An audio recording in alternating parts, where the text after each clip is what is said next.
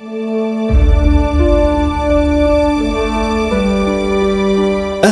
وسهلا بكم مستمعي بودكاست القافلة.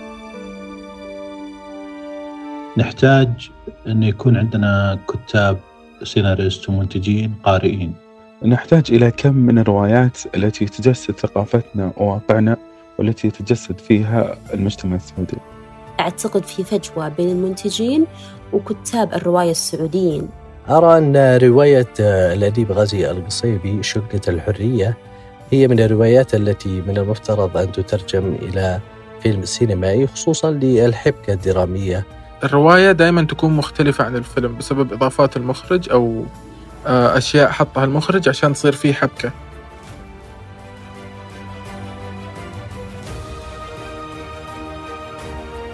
أهلا وسهلا بكم مستمعي بودكاست القافلة المقدم من مجلة القافلة.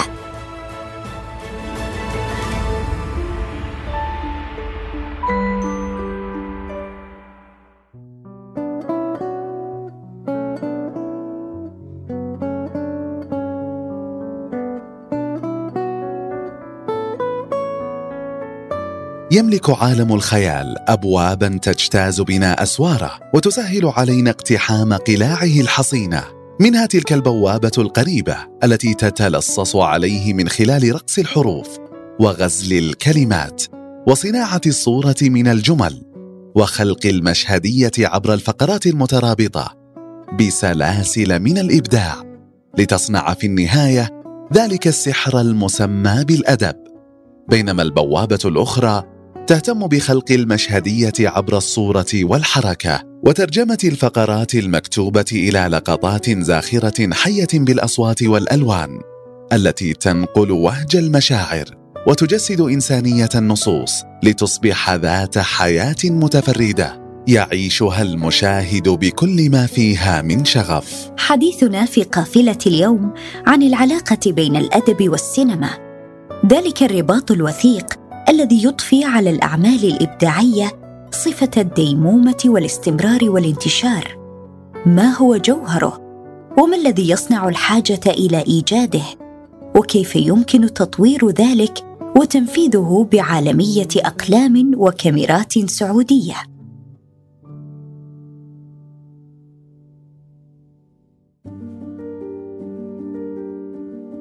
بدايات الارتباط بين الكتابة والصورة تمثلت طبقا للخبراء في استخدام فن النحت كما حدث في رسومات كهوف تاسيل الجزائرية أو شواهد قدماء المصريين والتي كان هدفها في المقام الأول تلبية حاجة الإنسان إلى التعبير عن مشاعره ومخاوفه وتوثيق تجربته وشكل حياته المتحدية الصعوبات.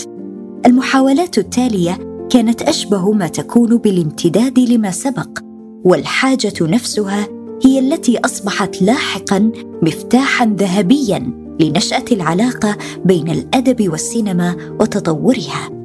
تجربة السينما الأمريكية تسلط الضوء على حقيقة نشأة هذه العلاقة العصية على الانفصام مهما تغيرت المعطيات. صناع السينما ادركوا ضرورة اللجوء إلى النصوص الأدبية لدعم انطلاق مشاريعهم السينمائية وضمان استمرارها. فهي مصدر للأفكار والنصوص ذات القيمة الفنية والجمالية العالية. كذلك وجدوا أن هناك حاجة إلى إضفاء الشرعية على السينما والحصول على اعتراف الجمهور بها فنا ساميا عبر الارتباط بالأدب ونصوصه الراقية. طبقا لرأي الناقد والمنظر السينمائي تيموثي كوريغان والذي يقول في كتابه الفيلم والأدب ان ما يدفع إلى استخدام الأدب هو أهمية كسب الاعتراف والمشروعية للفيلم بوصفه الشكل الفني الجديد حيث إن دمجه بالشكل القديم أو النص الأدبي يساعد على كسب الاحترام الشعبي له وللسينما عموما. ويوضح كوريغان أن الارتباط بالأدب ساعد على النأي بالسينما عن إرثها الفوديفيلي الكوميدي القادم من عوالم المسرح فالسينما حسب قوله كانت في بداية تاريخها فنا ترفيهيا موجها إلى الفئات الدنيا. لكن بالاستعانة بالروائع والشخصيات الأدبية الشهيرة اقتربت من الفن التقليدي والممارسات الثقافية المحترمة واستطاعت جذب المشاهدين من طبقات أخرى. إضافة إلى ذلك أن إنتاج أفلام مترجمة من أعمال أدبية شهيرة يضمن للاستديوهات والمنتجين جمهورا جديدا.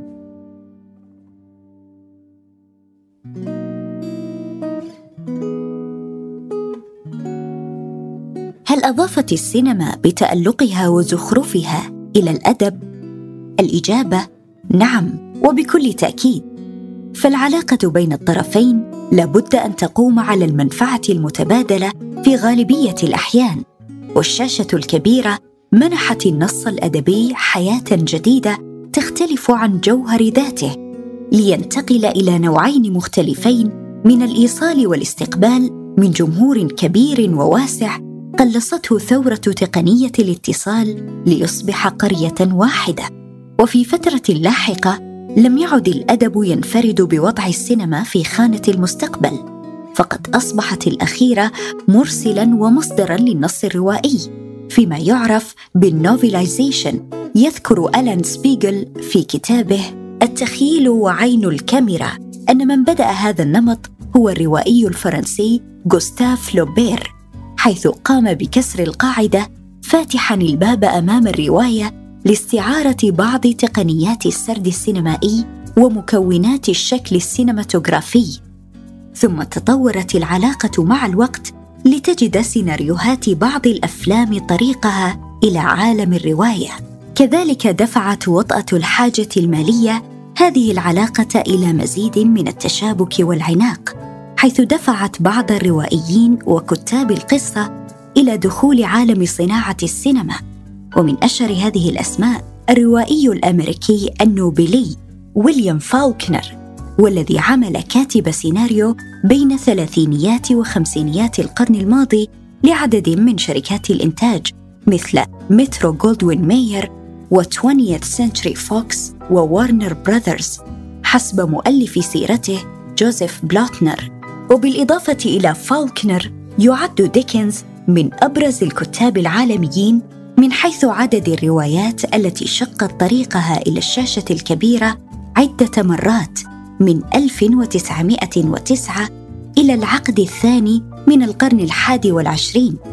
أما روايته آمال عظيمة فتعد الأيقونة الأبرز والمغناطيس الجاذب لصناع الأفلام من فترة السينما الصامتة إلى عام 2016 حيث خرجت منها نسخة بوليوودية بتوقيع المخرج أبيشيك كابور بعنوان جنون الممثل. ثم المخرج ديفيد وارك جريفيث استخدم نفس الروايات وكان أول من وظف العناصر السردية للرواية في الأفلام منذ بداياتها إلى ما يعرف بالسينما السردية الكلاسيكية. ولهذا قال المنظر والمخرج الروسي سيرجي أيزنشتاين من هنا من ديكنز من الرواية الفيكتورية تنبثق البراعم الأولى لجماليات الفيلم الأمريكي المرتبط إلى الأبد باسم ديفيد وارك جريفيث على صعيد التجارب العربية التقى الأدب بالسينما المصرية في ريعان صباها بوصفها صاحبة التجربة العريقة منذ العرض السينمائي الأول في الإسكندرية. عام 1896 حيث أنتج استوديو رمسيس فيلم زينب عام 1930 عن رواية تحمل نفس الاسم للكاتب محمد حسين هيكل توالت بعدها الأعمال ليدخل أدباء آخرون مثل نجيب محفوظ وإحسان عبد القدوس وعبد الرحمن الشرقاوي ويوسف إدريس ويحيى حقي وطبقا لأبحاث المؤتمر الدولي الأول لشبكة آمون للباحثين في الأدب والسينما بجامعة القاهرة المنعقد في 2019 فقد تم إنتاج 360 فيلما مصريا مستمدا من الأدب ما بين 1930 و 2019 وبينما استقت السينما المصرية أيضا من الآداب الغربية بين عام 1930 إلى 1960 لا سيما الإنجليزية والفرنسية. تراجع الأدب الغربي تدريجيا كمصدر للأفلام المصرية منذ عام 1952 ليفرض الأدب المحلي نفسه على السينما المصرية حتى وقتنا الحالي.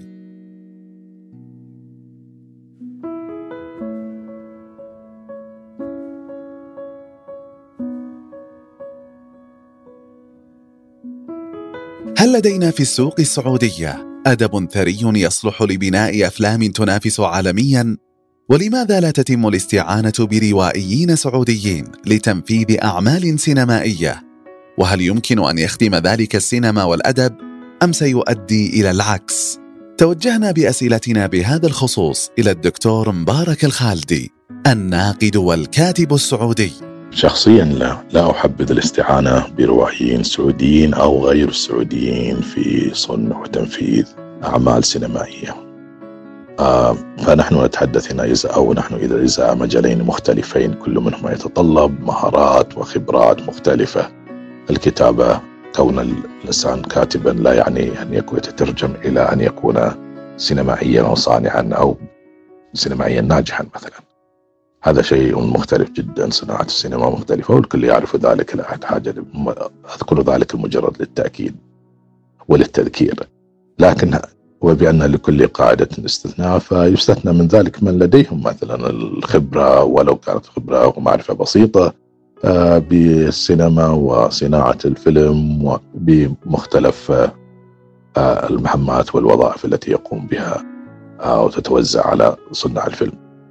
الخبرة إذا مطلوبة والمعرفة مطلوبة. إذا لم تتوافر عند الروائي فمن الأفضل أن يبقى بعيدا ولا يتدخل. حتى لو كان العمل الذي يشتغل عليه أو يراد تحويله أو ترجمته إلى إلى فيلم هو روايته.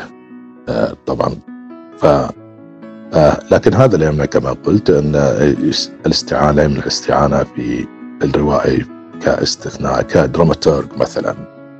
خصوصا بصفته مستشارا ليقوم بتجسير هذه الفجوة بين المجالين بين الأدب والسينما محليا. يلعب دور حلقة الوصل بين الأدب والسينما بأن يقوم بمهمة ترشيح أعمال روائية لتحويلها وبالتعبير الأدق إلى ترجمتها إلى أفلام فما يحدث فعلا هو ترجمة.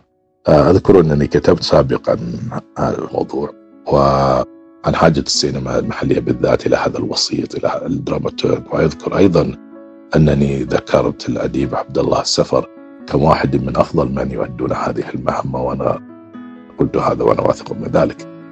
آه، أما بالنسبة لمنصات المشاهدة الدرامية فهي ضرورية ومهمة جدا جدا. تلعب دور فهي تلعب دورا كبيرا وهاما في إبراز الإنتاج المحلي. السينمائي والدرامي أيضا. آه، وفي عبر جعل هذه الأفلام المحلية متوفرة دائما. آه، وفي مدى بصر المشاهد والمتابع والناقد. آه، وجودها يسهل متابعة ما ينتج محليا. سواء للمشاهدة للاستمتاع في مشاهدة للمتعة أو لغرض الدراسة وتتبع تطور السينما والتعرف على اتجاهاتها والكتابة عنها. طبعا لا يوجد طبعا هنا نفتقد هنا بصراحة إلى المتابعة إلى توفر الأفلام المحلية. فنظرا لوجود ظاهرة ما يسمى المهرجاناتية في الصناعة المحلية واللي هي الحرص على التواجد خارج خارج مقابل عدم الحرص على التوفر في الداخل التواجد في الداخل. يحرمنا مثلا من أنا من هؤلاء الذين يودون المتابعة والمشاهدة ولكن لا تتوفر الفرص لا تتوفر الأفلام نفسها. فمن الصعوبة مكان المتابعة إذا لم تكن الأفلام متواجدة ومتوفرة ووجود هذه المنصات فعلا آه، ضروري ومهم ولقد شاهدنا بعض الأفلام والمسلسلات الدرامية على هذه المنصات سواء كنا نراها في شاهد أو كنا نراها على منصة البث التدفقي آه، نتفليكس مثلا. آه، هذه موجود وجودها ضروري فنتمنى نرى كل الأفلام إن لم تعرض في الدور السينما المحلية فأنا نتمنى أتمنى أن نراها على على منصه المنصات الدرامية ومنصات المشاهدة الدرامية.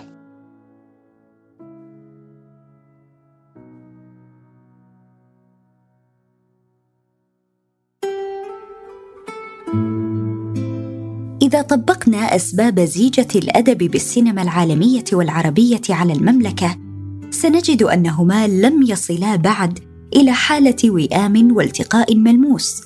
وربما تكون هذه الحالة مجرد انفصال مؤقت ومرحلي لغياب الحاجة بشكل رئيس رغم الخطوات والنجاحات التي حققها كل منهما على حدة. فالأدب السعودي حظي بالتكريم عبر وصوله إلى قمة منصة جوائز البوكر العربية والتي تترجم الروايات الفائزة بها إلى عدة لغات لتحقيق الانتشار العالمي. وقد حصل الكاتب عبد خال على هذه الجائزة بروايته ترمي بشرر عام 2010 كذلك حصلت الكاتبة رجاء محمد عالم على جائزة عام 2011 بالمناصفة عن رواية طوق الحمام.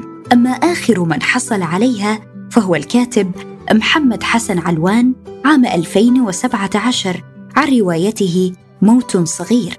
كذلك دخلت الروايات السعودية القوائم الطويلة وترشحت إلى القوائم القصيرة في أكثر من مناسبة لتحصل على اعتراف مرموق بجودتها وروعة فنياتها. السينما السعودية بدورها كانت لها محاولاتها الجيدة ومشاركتها في عدد من المهرجانات العالمية مثل تعاون السيناريست فهد الأسطاء مع المخرج عبد المحسن الضبعان في فيلم آخر زيارة والذي تم عرضه عام 2019 بمهرجان كارلوفي فاري السينمائي الدولي بدولة التشيك. وقبلها بعام نجد فيلم عمرة والعرس الثاني وهو فيلم كوميديا سوداء تكفل محمود صباغ بكتابة قصته وإنتاجه وإخراجه ليعرض في النسخة الأربعين من مهرجان القاهرة السينمائي الدولي إضافة إلى مهرجان لندن السينمائي. لماذا إذا هذه القطيعة بين الأدب والسينما في المملكة؟ يمكن عزو ذلك إلى أسباب عدة. منها أن السينمائي السعودي لا يواجه الآن الظروف والتحديات التي كانت تعترض طريق السينمائيين الرواد. فهو ليس مضطرا مثلا إلى كسب الاعتراف والاحترام الجماهيريين لأفلامه أو إلى استمالة الجماهير باللجوء إلى الأدب لخلق حالة من التقبل والإقبال على مشاهدتها حيث أصبح للسينما جمهورها الخاص بها. كما أن الغالبية العظمى من الأفلام المصنوعة محليا أفلام قصيرة ومن الصعب حشر رواية طويلة فيها.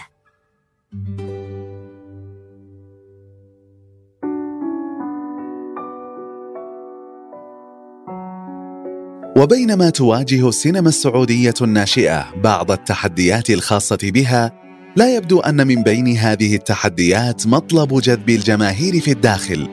فهذا كما يبدو ليس ضمن قائمة أولوياتها في الوقت الراهن. ويرى البعض أن أنظار السينمائي السعودي تتجه ناحية منصات التكريم العالمية. فتراه يصنع فيلمه وفي ذهنه المشاركة في هذا المهرجان العالمي أو ذاك. وربما كان هذا من مسببات تأجيل توجه صانع الأفلام إلى الإبداع السردي السعودي. ويتحدث المختصون عن أن حالة وجود المطلب الجماهيري نتيجة لوجود قاعدة جماهيرية عريضة للسينما المحلية. يمكن أن تشكل ضغطا على صناع الأفلام للاتجاه إلى الأدب السعودي. بل حتى اكتفاء هذه الجماهير بالتعبير عن رغبتها في مشاهدة أفلام سعودية مستلهمة من أعمال سردية لأدباء سعوديين. يمكن أن يكون مؤثرا. وربما كان انصراف السينمائي السعودي عن جمهوره المحلي من معوقات التزاوج بين الأدب والسينما في الوقت الحالي.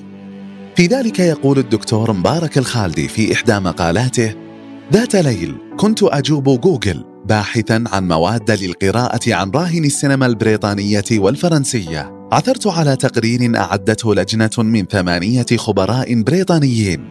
في صناعة السينما كان تاسعهم رئيس اللجنة وزير الثقافة والإعلام والرياضة في حكومة توني بلير. يتضمن التقرير نتائج مراجعة اللجنة لسياسة الحكومة الخاصة بالسينما في الرابع والعشرين من مايو عام 2011 عبرت التقرير مسرعا. لكن وقفت دقائق على عنوانه إذ إنه يعبر عما كنت أفكر فيه وما أنا مقتنع به بخصوص صناعة الأفلام المحلية مستقبل الفيلم البريطاني يبدأ بالجمهور.